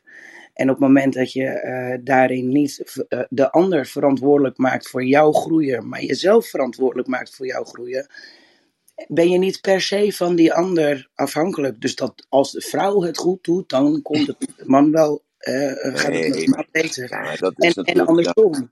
Want dat daarin maak hebben we ik. toch Ja, maar onze kijk, eh, kijk ik, ik heb het elke keer. Vanochtend heb ik dat nog een keer, eh, al twee keer gehaald, geloof ik. Eh, kijk, we komen uit een mechani- eh, mechanieke wereld. Hè, dat we dus allerlei verklaringen moeten hebben om eh, iets te kunnen bereiken of kunnen, kunnen groeien. En je moet het ook in dat kader zien. Hè, dat, dat ik dat zo benoem, eh, is gewoon om het makkelijker te maken, om het te, te in te vullen. En eh, ook om het te bereiken. En dat wil niet zeggen dat het dan de schuld is van de ander, omdat het bij mij niet lukt. Dat, dat is niet de bedoeling natuurlijk. Het is jouw eigen verantwoordelijkheid. Het gaat erom om te begrijpen dat in een bepaalde systematiek de man anders is dan de vrouw. Niet superieur, niet inferieur, maar anders is. En waarom is dat? Ze zijn niet alleen fysiek anders, want een man kan een kind. eh, eh, eh, hoe heet dat? Hij kan een- kind voortbrengen, maar de vrouw moet het dragen. Hè? Zo, dus de vrouw, in de vrouw gebeurt dat. Dus er is een, er is een, andere, een, een andere functie. Dus ik praat in iets, daarom zeg ik vaak, ik praat heel koud met een andere functie. En in die functie heeft een vrouw eh, ook een andere functie naar de man toe, dus in een relatie. En dat we met z'n allen eh, naar een andere tijd toe gaan, ja, dat is natuurlijk waar. Maar voor mij blijft dat nog steeds staan dat de man altijd in de schaduw van zijn vader staat, totdat hij zichzelf uit die schaduw, schaduw heeft ontvochten. En of hij daar nou een andere, een, een vrouw voor gebruikt, en niet misbruikt, maar voor gebruikt, dat is een makkelijke weg. Dat hij dat niet alleen zou kunnen, dat is natuurlijk niet waar. Hij zou het ook alleen kunnen. Maar om de functies te beschrijven is het makkelijker om dat zo neer te zetten. Emiel, Het klinkt voor mij ja, veel Ja. Marloes, ga je. Ja, ja, klopt. Ja? Het, het, het staat ook zwart-wit, dat klopt ook. En er zitten natuurlijk heel veel nuanceringen in. En ik, misschien dat we daar nog een keer een room over zouden kunnen houden samen. Nee, Eh, wat, ik vooral, wat ik je vooral hoor zeggen, en daar sta ik wel ontzettend achter, is dat eh, we eh, hebben in onze jeugd allerlei eh, voorbeelden en, en dingen die we van beide ouders meekrijgen. Ja. Zowel van mijn vader als, als in het voorbeeld van mijn moeder heb ik genetisch meegekregen, maar ook hun gedachtegoed, bepaalde emotionele reacties. Maar op het moment dat ik op mijn eigen benen ging staan, mhm. mocht ik mijzelf ervan gaan losmaken. En dat is voor eigenlijk iedereen eh, is die mogelijkheid daar. Het is Ja. maar afhankelijk of je die mogelijkheden ziet. Eh, ehm, op het moment dat je daar het stukje bewustwording in mag krijgen, eh, merk je ook dat het niet afhankelijk is van de rol van een vrouw of de rol van een man, maar dat we allemaal onze eigen mannelijke en vrouwelijke energie in onszelf mogen herkennen en ontplooien. Nee, dat is natuurlijk zo. Alleen heb jij als vrouw zijnde meer vrouwelijke eigenschappen in je dan mannelijke eigenschappen. En heb ik als man meer mannelijke niet, eigenschappen. Het hoeft niet Dat altijd, Emiel. Dat is een aanname, Emiel. Ja, nee, ja, maar zijn jongens, heel we moeten, we kunnen, eh, kijk, Jij we wil het kader scheppen. dan, moeten we het, dan moeten we het gesprek stoppen. Want de hele maatschappij is al zover dat we ons aanpassen aan uitzonderingen. In plaats dat we dus zeggen van laten we kijken naar algemeenheden. En dat wil niet zeggen. Nee, dat, dat nee, dat wil niet zeggen. Mag ik dan ook even wat uitpraten? Hè? Dus we moeten ons, ik, ik herhaal nog één keer wat ik zeg. We moeten ons niet eh, aanpassen in zijn totaliteit collectief aan de uitzondering. We moeten ons aanpassen aan, eh, en daar valt niks aan aan te passen, want elk mens maakt zelf die beslissing. Het gaat erom om te begrijpen. En als je het daar niet mee eens bent dat een vrouw anders in elkaar zit dan een man, ja, dan houdt het de hele discussie al op. Nee, maar En daar zijn als- we het denk ik wel Dat over eens, de discussie, Emiel. De discussie is dat jij het nu in een bepaald kader plaatst. Tuurlijk. Waardoor niet voor in het algemeen aan te nemen is. Want een mannelijke energie is inderdaad zijn dat wat jij nu eh, vertegenwoordigt als wat de man inhoudt. Terwijl wat je bedoelt is de mannelijke energie. Dus laten we het gewoon benoemen zoals het is. Mannelijke Ja, energie. maar Loes, dat is wel nieuw, hè. Maar dat, dat, is wel... De, dat is, dat- ik, ik vind het lastig hoor, Loes. Dat, dat hoor je trouwens. Goedemorgen. Ehm, het, het is wel echt de, de- met het energie en dingen. Dat, maar als je gewoon de basis pakt, er is er gewoon een verschil tussen een man en een vrouw. Toch? En als je dat ontkent, Loes, dan is dat ook oké, wat mij betreft. Alleen het gaat erom dat eh, hier in deze room iets besproken wordt. En dan moeten we op een zeker moment ook het met elkaar eens zijn. Willen we dus naar een volgend niveau gaan eh, van bespreken? En daarom heb ik bepaalde stellingen. En of je het daar nou wel of niet mee eens bent, ja, dat is nou eenmaal zo. En dat, je mag daar ook je kanttekeningen bij zetten. En je mag zeggen van ik ben het er niet mee eens. Ja, dat kan. Maar we Ik moeten op een zeker moment zeggen stoppen ermee. En we zeggen gewoon, eh, nou als jij vindt man en vrouw zijn gelijk. Nou, ik ben het Nee, daar niet mee eens. niet. Dat Dat mag. zeg ik helemaal niet, Emiel. Dat is Nee, maar- totaal niet wat ik zeg. Nou, dus dan gaan we even terug nog naar, even naar het punt. Denk jij dat jij als vrouw meer mannelijke energieën hebt dan vrouwelijke energieën? Ik denk dat ik als individu net zoveel mannelijke als vrouwelijke energie in me draag. Emiel. Nou goed, nou dan houdt het gesprek op. Want ik ben het daar niet mee eens. Waar is, eh, waar is eh, het stukje mag ik hem een non-duali- beetje waar is het stukje non-dualiteit waar je het eerder ook over hebt gehad? Ja, nee, maar dan, dan eh, houdt het uitgangspunt eh, is dan zo verschillend dat we, het heeft geen zin. Want dan gaan we uit en in, eh, daar heb je het dan weer. We moeten dus bepaalde zekerheden inbouwen in een bepaald gesprek. En als we die zekerheden niet kunnen hebben, dan kun jij je illusie daar niet op loslaten. Want jij maakt er uiteindelijk zelf van wat je wilt. En dat zijn je vooringenomenheden, dat zijn jouw overtuigingen. En je hoort dat anders. En dat is gewoon, iedereen trekt gewoon zijn eigen mensen aan. En ik, eh, ik ben gewoon de mening toegedaan dat een man anders is dan een vrouw. We zijn niet gelijkwaardig. Dat is eh, ontzettend gelul. Nooit, Want jij hebt, andere waar, je hebt andere waarden dan dat ik heb. Jij zit chemisch anders in elkaar dan ik. En dan, dat ik dan af en toe wel een keer iets vrouwelijks heb, ja natuurlijk. En dat jij dan af en toe een keer iets mannelijks hebt, ja natuurlijk, dat is goed. Hè, maar het is altijd, altijd nog makkelijker om een kerel te nemen als je gaat verhuizen. Want die kan makkelijker die dozen tillen dan Nee, maar snap je. Emiel? Ik maak ook geen vrienden hè, door het met je eens te zijn. Maar ik vind het echt een verademing. Want je houdt ook gewoon vol. En je houdt ook gewoon een standpunt vol. Ja, maar ik, eh, wat kijk, gebeurt er nu? Ja, maar wat een rare tijd leven we, toch? Ik bedoel, wat een onzin. Nee, Dat dat mag, dat mag je niet zeggen. Dat hoef je ook niet te onzin zeggen. zeggen? Want, nee, want Loes heeft vanuit het haar... lief, hè? Nee, maar ik ken Loes ook. Maar, dat, dat, maar Maar. Loes heeft vanuit haar visie gelijk. Dus dat is, Altijd. dus, en, dat, en dat is ook Ja. oké. Hè, Dus dat is de hele discussie over vaccinatie en over eh, dat, er, eh, dat, dat je ma- magnetisch wordt en, en dat je dus DNA, weet ik veel wat allemaal. En iedereen Nee, mag dat denken. Ja. Hè, tot, totdat, Oh, ik wou tot, net zeggen. Ja, maar totdat, kijk, en nu krijgen we het punt. Totdat je dus zelf een hartverzakking krijgt. En dat je naar het ziekenhuis gebracht moet worden. En je was Mhm. heel tolerant. En dat er geen plaats is in het ziekenhuis. Omdat daar dus eh, 80% van de mensen die er liggen zijn niet gevaccineerd. Ja, en dan moet ik eens even kijken hoe, hoe tolerant je nog blijft. Zo, dus, Ik wilde net Frank jij het een woord geven, Ja, oké. Emiel. ja. Oh, Maar Frank is helaas weg. hij is weg, ja. Ehm, dus eh, die zal eh, andere werkzaamheden hebben of whatever. Maar ik wilde eigenlijk even terugpakken, Emiel. Ja. Jij hebt heel erg duidelijk gekozen nu om niet meer aan de vrouw te gaan. Je wilt het allemaal zelf doen, omdat jij daar bepaalde ideeën bij hebt. Maar is het dan zo dat je zoveel voorbeelden of ervaring nodig hebt met die andere energie in jouw ogen, om daar dan ook die eenheid te ervaren? En dat je daarna dan ook Ja, ja. alleen verder kan? Dat is een heel ander verhaal. Dat is een heel ander verhaal. Ja, ik ben, ook, ik ben hem Dus- ook even kwijt. Dat is, dat, Nou, Ja. omdat Emiel die, die, die zei, hè, een man en vrouw, die worden samen één. Dus dan vraag ik me af, ik denk dat jij namelijk nog steeds één bent, alleen je bent wel nu op jezelf. Dus Nee, man en vrouw worden één. Dus dat, dat de vrouw bepaalt dus daar, dus dat, en dat is natuurlijk een, nou, maar Lo- Loes is het daar niet mee eens, jij schijnbaar ook niet, nou dat mag. Hè. Dus ik heb mijn verhaal daarover, en daar heb ik goed over nagedacht. Dat zijn volgens mij universele wetten. En als je kijkt naar de dieren, dan zie je dat eigenlijk een wezen, zie je dat hetzelfde. Als je dus ruimdenkend bent, dan zie je dat. En dat gaat erom dat dus die zoon moet loskomen van zijn vader. Die moet uit die schaduw komen. Want de relatie tussen vader en, eh, vader en zoon, of zoon en vader, is een totaal andere als dat de moeder heeft met zijn dochter. Totaal anders. Ja. En, eh, en dus door, om uit die schaduw te komen, eh, als je een vader hebt die, geen, die bijna geen schaduw heeft, is het heel makkelijk. Maar als je een vader hebt die een hele grote schaduw heeft, en dan kun je daar wel slachtoffer van worden. En als je dan een sterke vrouw hebt die jou dan helpt, en dat is dus de neiging die elke vrouw heeft. En elke neiging is namelijk dat een vrouw wil een man veranderen. En dat is een neiging die haar aangeboren is, omdat zij het belang van het ons samen veel sterker heeft dan een man. Daarom zie je ook dat 85% van de scheidingen geïnitieerd worden door de vrouw, omdat het haar niet lukt om daar te komen waar zij wil komen. Daarom hebben heel veel mannen er ook een hekel aan om veranderd te worden. Maar dat is noodzakelijk om uit die schaduw van die vader te komen. Dus dat is een heel gecompliceerd proces, wat bijna niet te verwoorden valt, omdat het zoveel basisideeën verkracht. Waarin wij als mens van 2021 in zijn gaan geloven, maar we zijn de basis vergeten.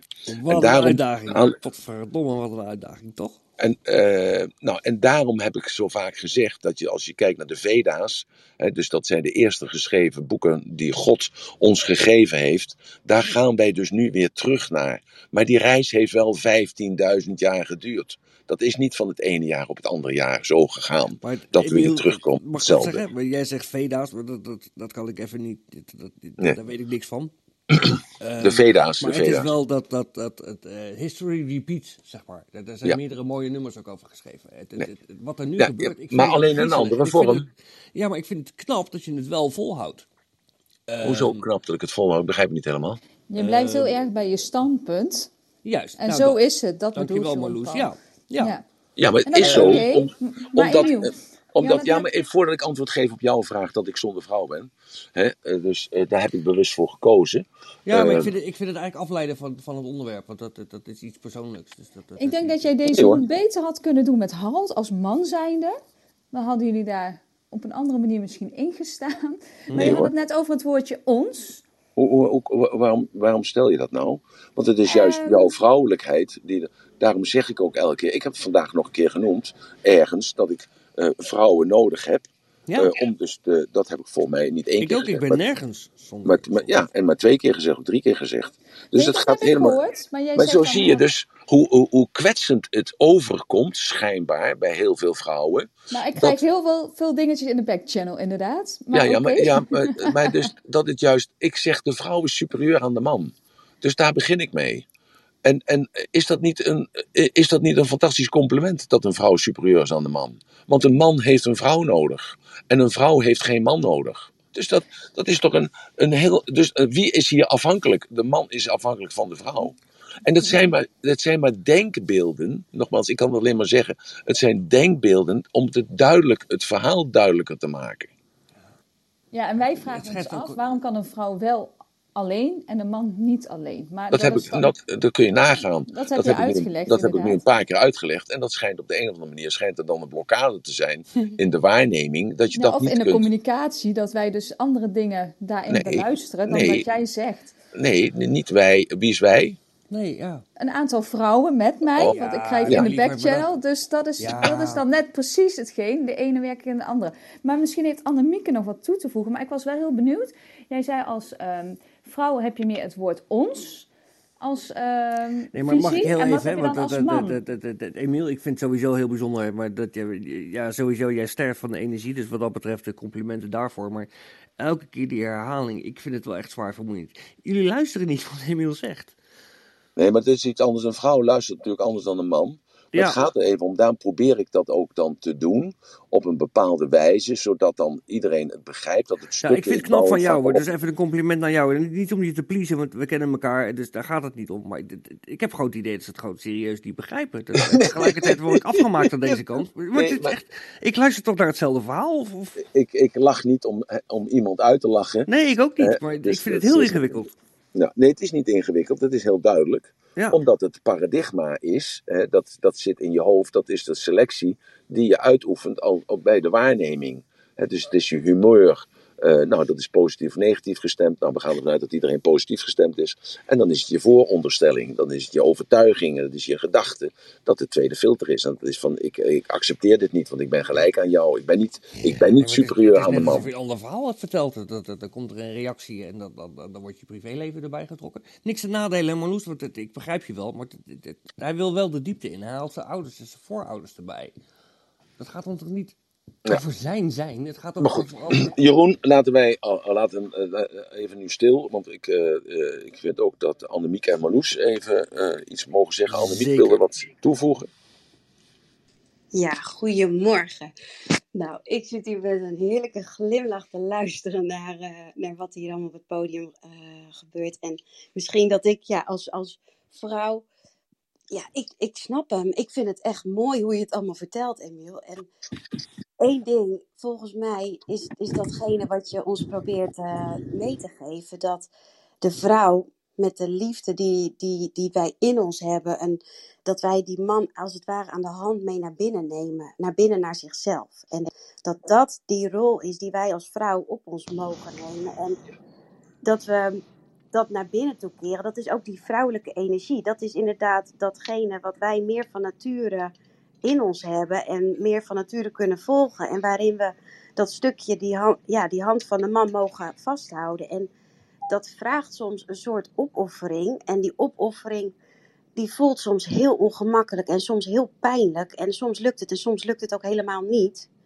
Maar stapje voor stapje ja, ga je met elkaar naar binnen keren. En dat is waar die nieuwe lagen zich als het ware openen. En waar, waar jij jezelf, maar ook waar die man nieuwe dingen ontdekt. En dat, ja, volgens mij zit het hem daarin. Dat stukje naar binnen leiden. En dat, dat ja, we hoeven het niet zo plat te maken en zo. eh, ja, je gaat het gauw heel plat maken. Heel, heel, heel materialistisch of zo. Of heel erg in, in de, ja, ehm, in het goed of fout of in het weet ik wat trekken. Annemieke, Maar maar daar bedoel je dan toch ook mee dat iedereen dus ook die vrouwelijke energie in zich heeft? Want dat was het punt wat we denk ik probeerden te maken. ja, En dat wij daar dan hun bewust van laten zijn, Ja. meer. En zij Alleen ons meer van de die- mannelijke. of je die vrouwelijke energie de ruimte wil geven of kunt geven, dat is ook afhankelijk van ehm, ja, hoe, in hoeverre kun je dat toelaten. En dat is zo mooi, dat, dat, dat is zo mooi dat dit, deze twee onderwerpen, die gaan samenkomen in deze room. Want die doelen halen en het emoties tonen en, en het mannelijke principe Als er iemand erbij. is die energieën ziet en leest, dan, dan, dan, is het Emiel. En niet om, niet om te preken voor zijn parochie, maar ik vind het, hij houdt wel vast aan, aan hoe het was. Zeg maar. ik, ik vind het een hele rare tijd nu met, met, met, met, dat, met dat woke en, en, en vrouwelijk en homo en dingen. Ik krijg ook dingen in de backchannel. Dat, dat, ik ben nu ineens anti-gay. Ik heb helemaal niets gezegd. Ja, Ik heb alleen je, gezegd, ik denk ik- dat we het gewoon niet te moeilijk moeten willen maken. En dat we juist naar die eenvoud terug moeten. Ja, dat is het. Die eenvoud, die rust. Ja, en we hebben, we hebben die twee elementen in ons. En het is aan jezelf nog altijd om uit te vinden in hoeverre geef je de ruimte aan. En de een, je- ergens weet je precies of jij meer in die mannelijke energie leeft of meer in die vrouwelijke. En je weet ook waar je het soms wat meer van het een mag toelaten of soms wat meer van het ander. En nou ja, we, ja, uiteindelijk in een relatie is het aan elkaar om te kijken hoe kun je elkaar daarbij helpen en aanvullen. Hoe aanvullend ben je aan elkaar? Net wat Emiel ook zei. Dus, het, dus ik, ik, ik hoor bij Annemiek hetzelfde wat ik zeg. Ma- Ja. mag ik dat zo Ja, maar ik, ja, maar ik begrijp Maar wel in de vrouwelijke... Ja. Zij, maar- zij maar gaat meer naar de energieën. Maar we krijgen nog maar- iemand op het Nee, podium. maar, nee, Maar- maar maar Loes, dat mee. Het, is, het gaat allemaal van... Er gaan allerlei belletjes rinkelen op het moment dat, dat het over opofferen gaat. Of over Juist. dit of dat. Alleen, het, soms, ja... eh, dat is, ik weet niet zo goed hoe ik dat moet uitleggen. Maar dat platte waar we soms in blijven hangen... Juist. Daar moeten we van af. Want Het is de verbinding, dat snap ik. Het is de beperking van de woorden. De woorden zijn maar 7% van de communicatie. Want iedereen heeft een woord anders geladen met een ander beeld en dus een andere emotie. En dit is allemaal heel emotioneel. Want vrouwen zijn zich aan het ontworstelen. En dat heb ik vorige week nog een paar keer herhaald. Want ze werden onderdrukt. Je kunt alleen maar iemand onderdrukken die superieur aan jou is. Want anders kun je die persoon niet onderdrukken. Dus dat is weer een compliment aan de vrouwelijke zijde. Dus de vrouw is en superieur. En de vrouw is zo sterk dat hij moet onderdrukt worden door de zwakkeren. Dus de zwakkeren die gaan dus nu terug. En de vrouw die kan dus nu op. En ja, en ik noem dan de vrouw, dat is dan het wezen vrouw. Hè? Dus dat, het uiterlijk vrouw, het denken vrouw, het voelen vrouw. Die komt dus nu naar boven toe. En dat zie je ook. Je ziet op de universiteiten ten opzichte van 30 jaar geleden. dat nu 80% van de studenten zijn vrouwelijk. Nou, en, en, en dat was 20 jaar geleden, 30 jaar geleden, was 20% was vrouwelijk. Dus dit laat het dan zien dat het hele glazen plafond, waar men dan ook over spreekt, dat dat helemaal aan, het, aan duigelementen is. Dat is er eigenlijk nooit geweest, maar dat is een logisch Nou, dat wou ik zeggen, is er nooit geweest op dat, dat glazen plafond. Dat is ook bedacht, weet je. Dat, is, dat, dat, dat sta gewoon voor jezelf. Ik, ik, ik vind het, ik vind het, ja. Wat dat betreft, maar dat, vind ik, vind ik het verfrissend allemaal. dit. Ja, het, nou ja, ging ik- om het eh, discussie gewoon eventjes van over als man zijnde, om dus dan op een bepaalde manier over te kunnen komen, zodat vrouwen dan ook, eh, ja, dat, dat als man je dat gevoel ook mag tonen. En dat heel veel mannen het gevoel hebben bij zichzelf, ik mag dat gevoel niet tonen, want dan ben ik kwetsbaar, dan ben ik eh, aanvalbaar, dus dan, dan, dan, dan maken ze Ja. misbruik van mij. Ja. Dus dat zit bij die man. En dat heeft Ja. niets met de vrouw te maken. Nee, maar die jij, bent ook geen prototype eh, man, zeg maar. Dus het, het, het, het- het- wat dat betreft is het gegeven man is, is, is redelijk breed. Maar, dat, dat, dat, dat, eh, Ja, maar wie maar is nou- uiteindelijk zijn we een man. Ja, maar wie is nou een man? Hè? Wie, is nou, eh, wie is nou het prototype van de man? Juist, nou ja, dat. Dus Nou, dat is, eh, ja, dat is meneer, eh, hoe heet het, eh, meneer Verhoeven. ja, Eh, in dit en Roos willen ook nog graag reageren. maar er zijn ook vrouwen die dat ook leuk vinden om zich zo toe te laten gaan. Ja, Nou. ik lach ook, maar ik, ik lach eigenlijk ook niet. Emiel, we hebben Roos op het podium en Annemieke wilde nog graag reageren. Roos, welkom. Hi, nou wat een eh, interessante discussie. En ehm, ik begrijp wel dat ehm, het woord superieur zijn aan heel veel ja, weerstand oproept bij een aantal vrouwen. Hè, we, we, we mogen juist die verschillen tussen mannen en vrouwen vieren. En daarbij wij als vrouwen, wij zijn de ontvankelijke partij fysiek, wij ontvangen de man. Ja. En daarin mag die wisselwerking, want ik heb mijn man juist nodig voor die structuur. Ik zeg altijd maar van, ik ben het voelen, het, het water, ik stroom, de chaos. En mijn man is het glas, hij houdt de structuur. En dat is de samenwerking die we samen hebben. En inderdaad, door hem kom ik bij mijn mannelijke delen in mijn structuur. En, en leer ik dat dus ook van hem. En hij leert dus inderdaad ook met zijn eigen chaos om te gaan. En, en zo komen we in die gelijkwaardigheid. En op Ja. het moment, dat is echt, nou ja, eh, eh, archetype. Ik ben dol op archetype. Hè, door de structuur die nu ontstaan is, eh, met, met vader, moeder, dochter, zoon.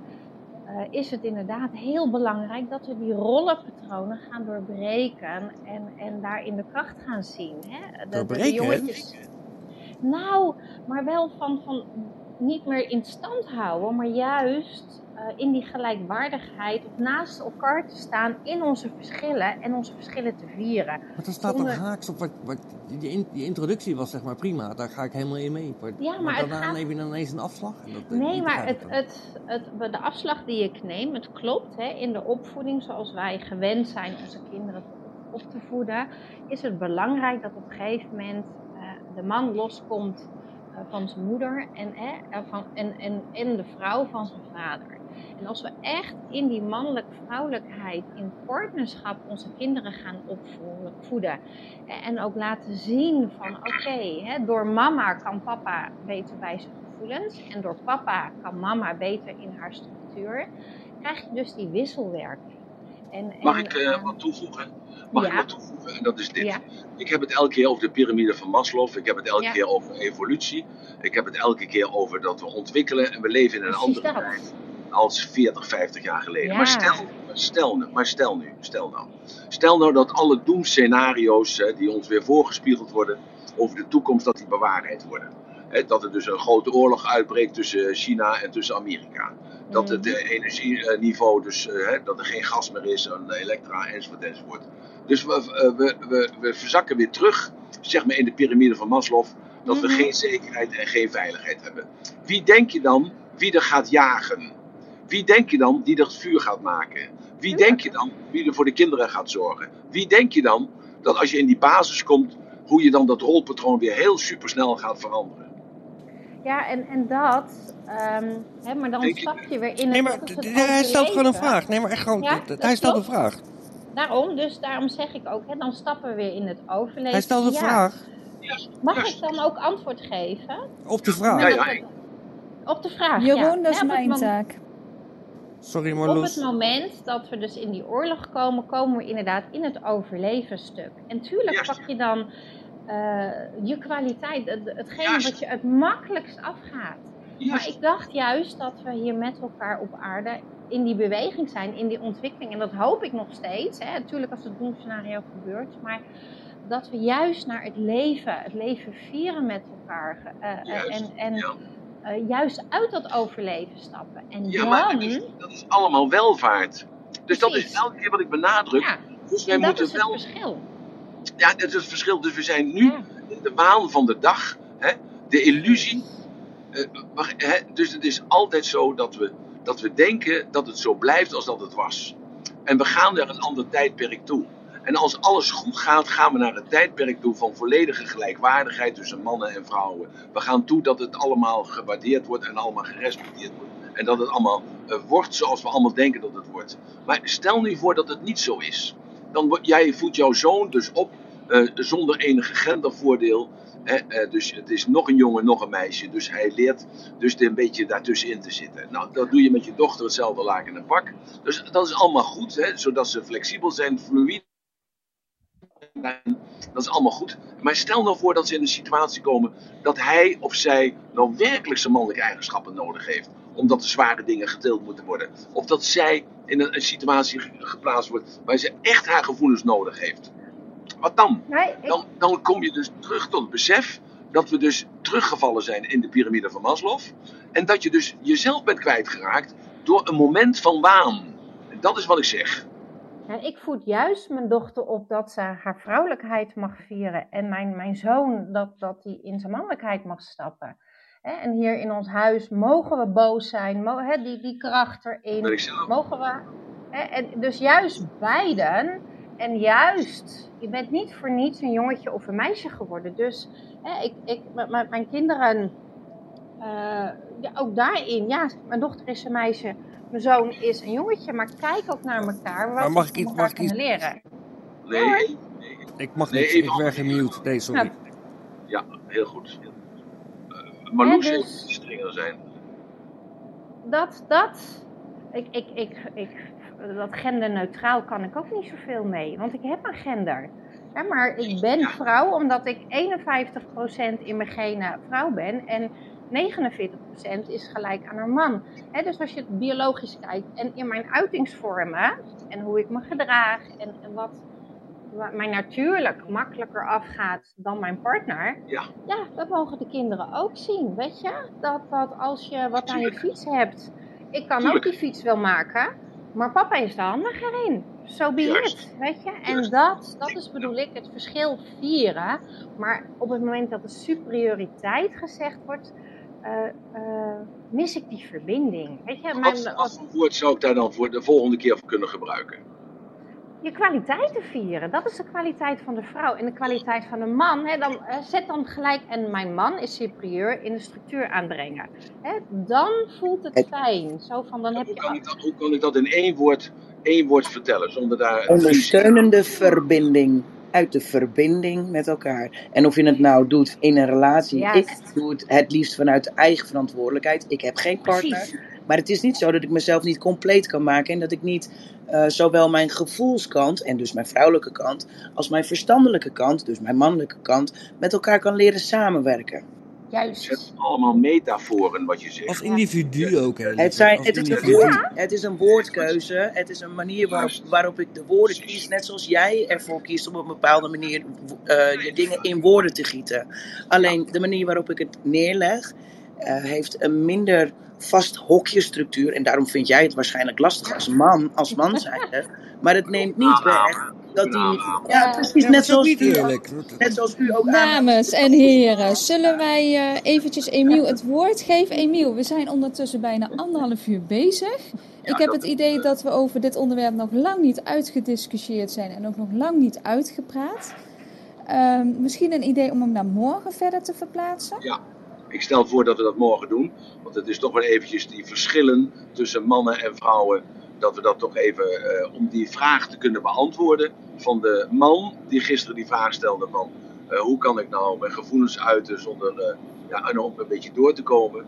Eh, dat wil ik graag morgen dan verder ja, behandelen. En ik hoop dat u allen, dat u nu in de roep was, dat u morgen in ieder geval meteen naar het podium komt. Want ik vind het een waardevolle aanvulling. En ik, ik vind het alleen al een les voor mezelf om een ander woord als superieur te nemen. Omdat dat woord superieur dan toch niet zo positief geladen is bij de meesten. Als dat ik dat eh, bedenk. Of heb kunnen bedenken. Dus eh, dat, daarvoor alleen al bedankt. En bedankt voor, eh, voor jullie actief deelnemen aan deze discussie. En aan, om dit op te bouwen naar een oplossing voor die meneer die zelfs niet in de zaal is. Helaas. Maar misschien op een andere manier hier toch wel te, te horen komt. Dus we gaan morgen hier dan over verder. Hoe communiceer ik als man mijn gevoelens, zodat het eh, dan toch wel het effect heeft wat ik dan beoog als man zijn. Ik eh, ga aan mijn secretaresse vragen of ze dit wil inplannen voor morgen. Dat is een grapje, hè? en nou breekt de tyfus uit. Ja. Nou, Dat zal ik- Emiel. Zal ik ook even aan mijn secretaris vragen of hij hem Even kan een knipoog, hè, lieve dames. Nee, Heel je goed, Roos. Heel mooi, heel mooi. Roos, Emiel, het topper. ratelbandje dan. Het ratelbandje voor vandaag. Nou, het ratelbandje voor vandaag is dat, ik toch eh, eh, fantastisch geniet van deze toevoelen, toevoegingen en eh, verschillen. En dat je dus dan toch tot elkaar kunt komen en elkaar uit laat spreken en elkaar kunt blijven respecteren. En ik zou eigenlijk willen vragen van laten we nou vandaag eens richten op de gelijkheid, de gelijkwaardigheid van man en vrouw, van kind en ouderen, van, eh, ja, van dier en van mens. En laten we ons daar nou eens op richten vandaag. Dat er veel meer gelijkenissen zijn tussen ons dan verschillen. En dat het alleen in de discussie makkelijker maakt om de verschillen te vergroten. Dus als je vandaag in discussie gaat, ga dan niet naar die verschillen toe, maar ga dan naar de gelijkenissen toe. Van datgene wat ons bindt en niet naar datgene wat ons scheidt. Dank jullie wel voor deze fantastische room. Dank je wel voor zoveel waarde die jullie toegevoegd hebben met de andere standpunten en, eh, ja, en verhelderende standpunten en voor het leerproces. Want het is niets anders dan wat elke dag wat wij doen in deze room, is ervoor te zorgen dat je even aan het denken gezet wordt op een andere wijze als dat je normaal hebt gedacht. Dat je even geprikkeld wordt en door dat prikkelen dat je dus uiteindelijk een ander mens gaat worden. Niet omdat je ontevreden bent, maar omdat je weet dat deze reis ertoe dient om anders te zijn als dat je nu bent. Dank jullie wel en tot morgenochtend.